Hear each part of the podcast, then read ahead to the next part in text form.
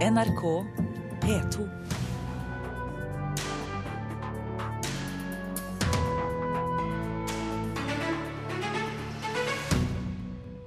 «85 journalister er eh, drept hittil i år. Dagen i dag er FN-dagen for journalist, journalisters sikkerhet, og store organisasjoner går sammen for å bedre forholdene.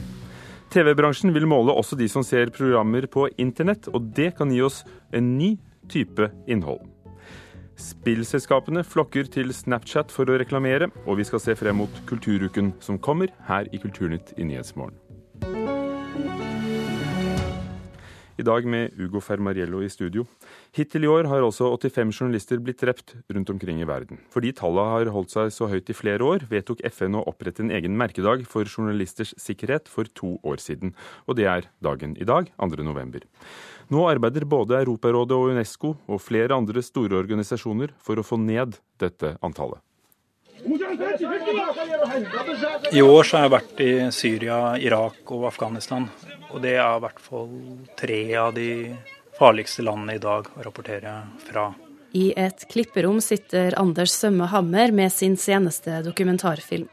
Den prisbelønte frilansjournalisten har sett hva det kan koste å jobbe i konfliktsoner. I Kandahar havnet en afghansk kollega han kjente, i amerikansk militærfengsel. Like etter at han slapp ut, ble han drept. Det var et planlagt attentat. Noen venta på han. Men det er aldri noen som har blitt pågrepet eller straffet for det mordet. Han var en veldig pågående journalist som hadde gjort mye som veldig mange andre journalister vegrer seg for, fordi risikoen var så høy. Og det gikk ikke da i lengden. Altså. Han, han ble drept på gata. De siste 10-15 årene så har det vært mellom 100 og 150 journalister hvert eneste år som, som blir drept. Det sier Trond Idås, som leder Unesco-kommisjonens ekspertgruppe for journalistsikkerhet.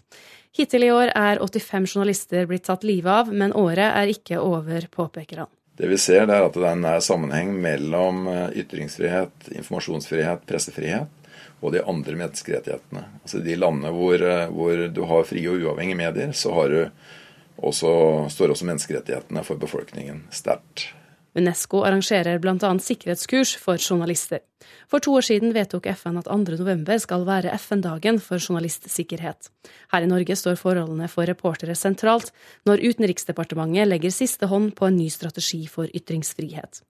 Og i Europarådet har Torbjørn Jagland fått laget en varslingsside. Ja, Vi har nå i samarbeid med de største journalistorganisasjonene i Europa etablert en internettplattform der de kan eh, varsle om eh, trusler mot eh, journalister og trusler mot mediefrihet. Varslede overgrep kan generalsekretæren i sin tur ta opp med myndighetene i landet det gjelder. Noen land skiller seg allerede negativt ut med mange varslinger. F.eks. Tyrkia, som jo lenge har, vært, har hatt problemer med mediefrihet og ytringsfrihet. Her ser vi opptak fra Irak. Var der og filma i januar og februar i år. Tilbake i klipperommet er Anders Sømme Hammer glad for at innsatsen nå økes. Ikke minst på vegne av kollegaer som kommer fra landet han selv reiser til. Det får alltid mer oppmerksomhet om noe skjer med en eh, utenlandsk journalist i konflikt enn eh, lokale journalister.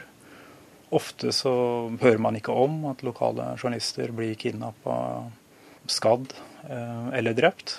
Mens det stort sett får veldig mye oppmerksomhet hvis noe skjer med oss utenlandske journalister. Sa Anders Sømmehammer, reporter Eirin Venås Sivertsen. Kristin Solberg, NRKs korrespondent i Tyrkia. Vi har hørt deg fra Istanbul tidligere i Nyhetsmorgen, for eh, valget er jo akkurat avsluttet. Og når det gjelder nettopp Tyrkia, hvilke utfordringer møter journalister der? Ja, her har det vært eh, svært mange utfordringer for journalister eh, lenge. Eh, pressefriheten har stått lenge under press, og den er blitt satt ytterligere under press nå i, i, valgkampen. Vi har sett eh, tiltaler og arrestasjoner av kritiske journalister. De blir ofte tiltalt eh, for såkalt å ha fornærmet presidenten, som kan gi eh, fengselsstraff her. Og like før valget så ble også to TV-kanaler tilknyttet det Erdogan anser som en politisk fiende, reid, reidet og, og, stengt. Og erfarne journalister her de snakker om at de har opplevd både kupp og militærstyre, men at situasjonen for mediene aldri har vært så ille som, som det det er nå. Og hva forventer de av tiden som kommer etter denne valgseieren for Erdogan? Ja, det er mange journalister her som er, eh, som er som, som, frykter det som kan komme til å skje nå. Nå har eh, Erdogans parti, AKP, eh, flertallsregjering og kan, kan styre ufor, uforstyrret. Eh, og det er mange mer sånn systematiske forhold i medielandskapet her. En av de største utfordringene her er medieeierskap. Eh, det er først og fremst at mange av mediene eies av forretningskonglomerater som har andre forretningsforbindelser til regjeringen, som er avhengig av kontrakter f.eks. med myndighetene. og Dermed så blir eh, dekningen av regjeringen ikke spesielt kritisk. Og kritiske journalister, de som forsøker seg på kritikk, de får ofte da sparken av, eh, av redaktører og medieeiere, og da får de vanskelig jobb igjen hos, eh, hos andre. Denne FN-dagen eh, heter jo offisielt dagen for å forhindre straffrihet for de som eh, da trakasserer eller da i, i, det verste fall dreper journalister. Du har selv i flere år Kristin Solberg, rapportert fra farlige konfliktområder. Hvilke, hva må, måtte du tenke på da? Altså Sikkerhetstiltakene man må tenke på, det kommer helt an på området og hvilke trusler som er størst. For det varierer. Altså Er trusselen kidnapping, eh, eller er trusselen drap? Eh, eller er trussel eh, altså det, det, varierer fra, fra konfliktsone til konfliktsone. Jeg har jobbet en del i, i, Afghanistan og Syria. Der er kidnappingsrisikoen stor. Og der må man ta forholdsregler som reduserer den kidnappingstrusselen. Et eksempel kan være å ikke fortelle mange at du drar. Altså hvor du reiser og når når du reiser. Eh, I Afghanistan, da jeg bodde der f.eks., så sa jeg aldri fra til min eh, sjåfør eller tolk hvor vi skulle, før eh, helt i siste liten.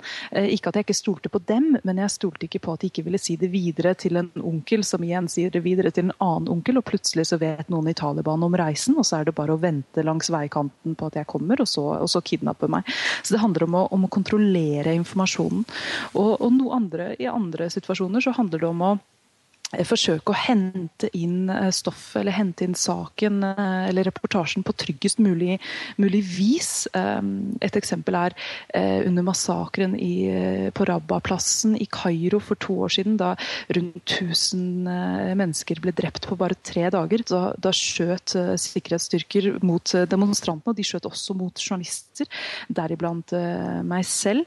Det var en veldig sånn, uoversiktlig situasjon, og da handler det om å raskt hente inn den informasjonen informasjonen du trenger, og så trekke seg tilbake da, til et litt tryggere sted eh, der de ikke skytes. Og jeg, jeg, I den situasjonen så søkte jeg tilflukt ved en ambulanse som fraktet bort skadede og drepte fra stedet. For jeg regnet ikke med at sikkerhetsstyrkene ville skyte mot denne ambulansen. Og samtidig så var det et sted der jeg likevel kunne samle inn informasjon, slik at jeg kunne fortelle da det jeg mente var en veldig viktig historie. Kristin Solberg, takk for din historie, vår korrespondent i Tyrkia. Jeg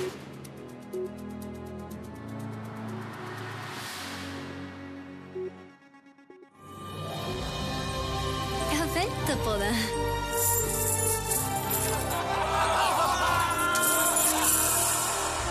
Føler du deg heldig?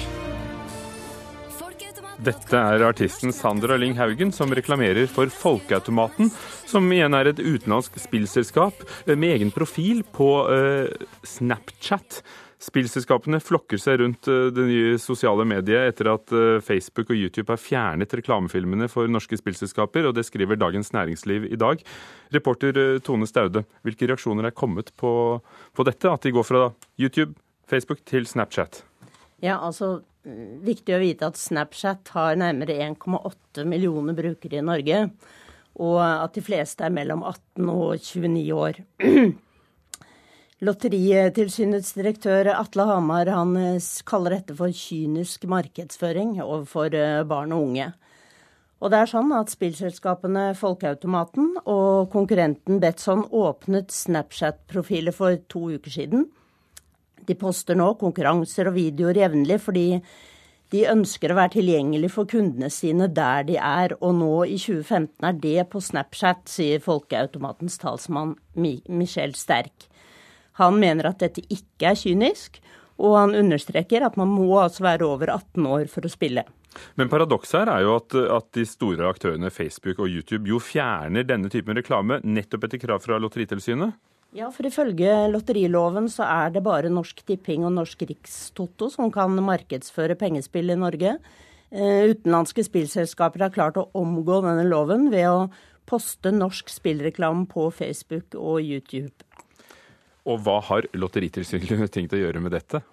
Ja, altså eh, de følger nøye med, da. Eh, direktøren for Lotteritilsynet, Atle Hamar, sier at flere personer overvåker de sosiale mediene, og at de nå jobber beinhardt for å få en avtale med Snapchat. Han eh, sier at han har tro på at aktørene etter hvert vil sette sitt gode omdømme høyere enn ønsket om å tjene penger på unge spillere. Avisen Dagens Næringsliv har altså ikke lykkes med å få Snapchat i tale, og det har heller ikke vi. Men vi fikk deg i tale. Takk skal du ha, Tone Staude. Målingene av TV-titting skal endres. De store TV-selskapene har satt ned en gruppe som skal se på nye måter å måle hvor mange som ser på levende bilder, ikke lenger bare på fjernsyn. De har lyst til å fange opp også de som ser film og TV via internett, og det igjen kan endre de programmene vi får. Dessverre så fanger ikke målingen opp eh, alt konsumet, fordi vi har fått nye måter å konsumere levende bilder på. Researchsjef Lene Granlund i MTG TV leder gruppa som arbeider for å få til et nytt målesystem for TV. Der sitter far, der sitter mor, der sitter søster, der er bror, og frøken Jensen kommer ned og følger med. Mye har skjedd siden fjernsynet ble offisielt åpna i Norge i 1960. Vi ser at konsum av levende bilder ikke bare handler om den tradisjonelle TV-skjermen hjemme, men at folk eh, konsumerer levende bilder på stadig flere måter. Eh, både på nett, og på mobilen og på nettbrett. Disse endringene klarer ikke dagens måling å fange opp. Derfor ønsker TV-bransjen en måling som fanger opp både vanlig TV, opptak og strømming. Eh, målet er at vi skal måle alt konsum av levende bilder på alle plattformer og til enhver tid. Eh, så om du ser, konsumerer levende bilder hjemme eller på hytta eller på bussen på vei til jobb, så ønsker vi å måle det. Og vi ønsker også å måle eh, tradisjonell TV og online video på så like vilkår som mulig. En slik måling vil kunne gi mer nøyaktig informasjon om hvordan publikum bruker levende bilder. Det vil være nyttig, ikke minst for de kommersielle aktørene, sier TV- og radiosjef i mediebyrået Karat, Morten Wiberg. Ja, kan, Da kan de jo brukes eh, i hvert fall av, eh, av alle vi som, måte, som, som trenger det. Eh, I forhold til det kommersielle markedet spesielt, i og med at man selger jo seere. Eller annonsøren kjøper et antall seere. Og Da er det jo viktig for oss at disse tallene er identiske og like, og at de kommer fra én, én base. At det ikke er flere som da eventuelt blir slått sammen, for da blir ting unøyaktig. Med ei ny måling vil en også kunne sammenlikne den digitale seoinga med vanlig TV-seoing, og skulle det være store skilnader, kan det få konsekvenser for hvordan eh, program blir laga. Da er man kanskje nødt til som annonsør og eventuelt da eh, kanal å lage eh, programmer som da er mer finansiert av annonsørene. Eh, det finnes jo den dag i dag, men det er ikke veldig utbredt. Målet er å få et nytt målesystem klart til 2017. Da får vi kanskje vite mer om hvor mye tid vi bruker på levende bilder. Vi skulle tømt en sjokoladeautomat, men vi fikk aldri tid. Alf Prøysen til slutt i Espen Alnes' reportasje. Klokken er 17 minutter over åtte. Du hører på Nyhetsmorgen i NRK. Overskrifter i dag. Nav vil ha mer fleksible regler for å få flere i jobb. Bl.a. ber lokale Nav-kontor politikere om å lov til å finansiere videregående opplæring for flyktninger. Arbeidstilsynet har avdekket lovbrudd ved 26 av hotellene som Petter Stordalen eier, skriver Dagbladet. Foreldre må tørre å være strenge når ungdommer fester, mener både politiet og organisasjonen Voksne for barn. Også denne helgen tok politiet sprit fra 13-åringer. Og senere i Kulturnytt skal vi snakke om ny dans. Først ser vi litt på høydepunkter fra kulturuken vi har foran oss. I dag presenterer regissør Liv Ullmann skuespillerne hun har valgt til å spille fortrolige samtaler på Nationaltheatret. Teaterstykket er basert på Enskilda samtal, en film Ullmann laget i 1996 med sin tidligere mann, den kjente svenske filmskaperen Ingmar Bergman. Jo lengre tiden gikk, desto vanskeligere ble det. Stykket har premiere i januar og skal på norgesturné med Riksteatret. Er det noen annen som vet? I morgen skal Høyesterett behandle anken i saken mellom filmskaper Ulrik Imtias Rolfsen og PST. Bakgrunnen er at PST har beslaglagt råmateriale som Rolfsen skal bruke i en kommende film om islamistmiljøet i Norge. Mitt arbeid blir eh, alvorlig hindret av, av dette. Let it go,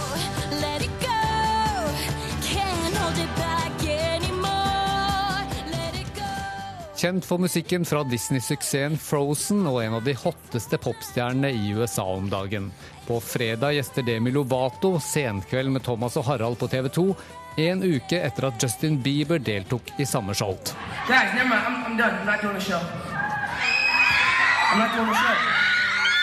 Det blir første gang Demi Lovato kommer til Norge. Fredag mottar også Karl Ove Knausgård en tysk litteraturpris som deles ut av avisa Die Welt.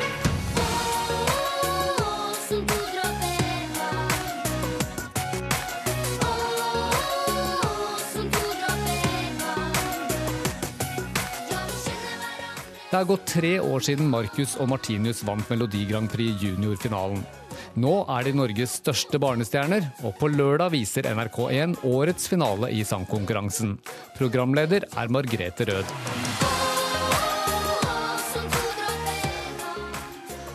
Hei, Margrethe Rød. Her står du. Hei, hei. hei. Hvordan er årets nivå i Melodi Grand Prix junior? Uh, vet du hva, det er uh, veldig bra. Det er det hvert år, altså, men i år så er det ganske unikt. I år er det kun solister. Det pleier å være litt band og grupper òg. I år er det kun solister, og det er veldig høyt nivå. Hvordan- Yngste er 8, og den eldste er 15, så det er veldig spredt òg, da. Hvordan velges de som kommer til finalen? I år var det 728 bidrag som kom inn. Eh, barna og ungdom eh, skriver låtene sine selv. Og så er det en hard utstilling da, gjennom mange prosesser. Det ender med en audition på 25 stykker. Som avsluttes med ti finalister. Og det er lenge siden. Det er halvt år siden de ble tatt opp. Så nå etter det har de bare blitt formet med hverandre og blitt veldig gode venner og trygge på hverandre og gleder seg til lørdag. Hva synes du skiller Melodi Grand Prix junior, bortsett fra at det er helt unge artister, fra det vanlige Melodi Grand Prix? Kanskje det største, den største skilnaden. Det er at eh, de skriver låtene sine selv. Så dette er folk som har sittet hjemme og skrevet en låt og en melodi som de har sendt inn. Og det er jo helt rått, liksom. De Det hadde vært noe, det, i, i Eurovision Song Contest. Det hadde vært noe. Det burde vi tipse dem om. Venter du nye barnestjerner eh, av året? Eh, Først vil jeg jo si at vi er ikke opptatt av å skape barnestjerner i det hele tatt. Det er noe som skjer etter at de er kommet eh, fra NRK sin favn, på en måte. Eh, Det er veldig mange dyktige år, så hva som skjer med dem i fremtiden, det vet jeg ikke. Men nå er det, det ti veldig bra. Har det? Ja, det har blitt før. Men det er også noen av dem som har eh, valgt å vente og gå ferdig skolegang til de har funnet ut ordentlig hva de vil, sånn som Lido Lido, og så kommet tilbake og laget den musikken man egentlig har lyst til selv. Og så er det noen som har eh, Ja, sånn som Marcus og Martine, som vi hørte da, som selvfølgelig gjør det kjempebra nå og koser seg nå. Helt unge utøvere skal på scenen i Oslo Spektrum. Eh, Er det bare eh, glede, eller er det også gråt og fortvilelse?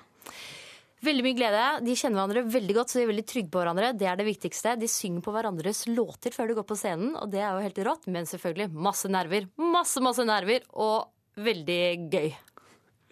Eh, Takk, Margrethe Rød, altså programleder for Melodi Grand Prix Junior, finale på lørdag. Eh, Agnes Moxnes, kulturkommentator her i NRK. En annen og mer håndfast ting. Denne uken blir det avgjort hvordan staten skal skaffe 22 000 kvadratmeter skifer til det nye Nasjonalmuseet som bygges i Oslo. Hvem får oppdraget? Ja, det har jo også vært en steintøff konkurranse, da, for å si det sånn. Det får vi vite i eh, morgen. Eh, Det er Midt-Norge skiferen kommer fra, det vet vi. Det er to, De fire konkurrentene kommer To kommer fra Oppdal, en fra Lierne og en fra Dombås. Og, og resultatet eh, på denne kjempekontrakten Vi snakker om 22 000 kvadratmeter med skifer. Det er omtrent tre ganger Ullevål stadion.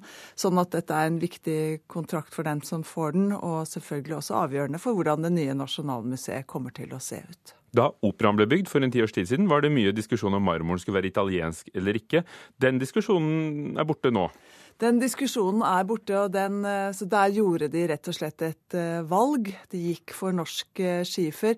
Det som kan bli en diskusjon nå, er at i tre av disse tilbudene som er kommet, så må skiferen med Altså Vi snakker om voldsomme tyngder og voldsomme mengder her. I tre tilfeller så må den fraktes til Europa, Tyskland, Polen og andre steder for å bearbeides. Sånn at det kan jo være i et bygg som har høye miljøstandarder, bli en, en mulig debatt. Det får vi vite denne uken. Kortreist eller, eller langreist eh, skifer. Eh, Det er to steinting med, denne, med museet. Ikke bare skiferen, men alabasthallen, som er like lang som Slottet i Oslo, som skal ligge på toppen. Som jo ikke er alabast. Ja, det er, eh, det er en diger hall eh, som, skal, som egentlig liksom skal lyse opp hele dette litt grå, tunge Nasjonalmuseet, som nå bygges. Blir Nordens største museumsbygg. Eh, Det er ikke alabast, det er resirkulert glass. Fire tilbydere fra andre land enn Norge, og én fra Norge. Og, og svaret på hvem som får det oppdraget, kommer også denne uka, og antageligvis i morgen. Vi hørte så vidt i sted. I dag skal skuespiller og regissør Liv Ullmann fortelle hvem som får rollene i fortrolige samtaler som hun setter opp på Nationaltheatret og Riksteatret. Ja, det er jo en Må jo bare si det at hver gang Liv Ullmann kommer hjem til Norge og skal særlig jobbe både med film og teater, så er det en begivenhet. Og vi vet at det kommer til å, å påvirke Teater-Norge i året som eh, kommer. Eh, Hun har premiere på Nationaltheatret 9.1, og så skal eh, forestillingen ut på turné med Riksteatret. Begynner i midten av eh, februar. Og forrige gang hun hadde, var, var involvert i en teater, oppsetning for Riksteatret, så er det vel en av de største eh, suksessene teatret har hatt, da hun selv spilte i Lang dags ferd mot natt. Men nå har hun altså regien på en forestilling som bygger på dagbøkene til hennes, eh, eh, altså hennes tidligere mann, eh, Ingmar Bergman. Eh, det er dagbøker hentet både fra ham selv, men først og fremst fra morens fortrolige samtaler, som hun forteller om i denne dagboken. Eh, samtaler hun fører med en prest, hvor hun forteller om sin utroskap. Hmm. Liv Ullmann, fortrolige samtaler på teaterscenen. Takk skal dere ha, Agnes Moxnes og Margrethe Rød.